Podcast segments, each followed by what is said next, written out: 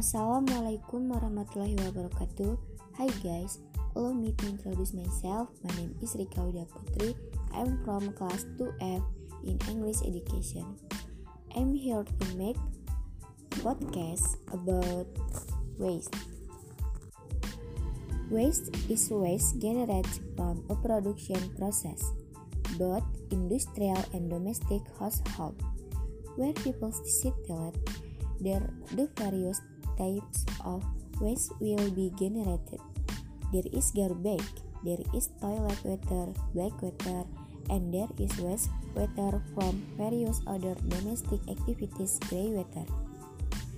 Solid waste is better known, known as garbage, which is often undesirable because it has no economic value.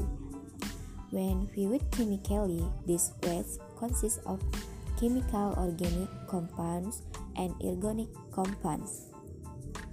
With a certain concentration and quantity, the presence of waste can have a negative impact on the environment, especially for human health. So it is necessary to handle waste. The level of dangers of poisoning caused by waste depends on the type and characteristic of the waste.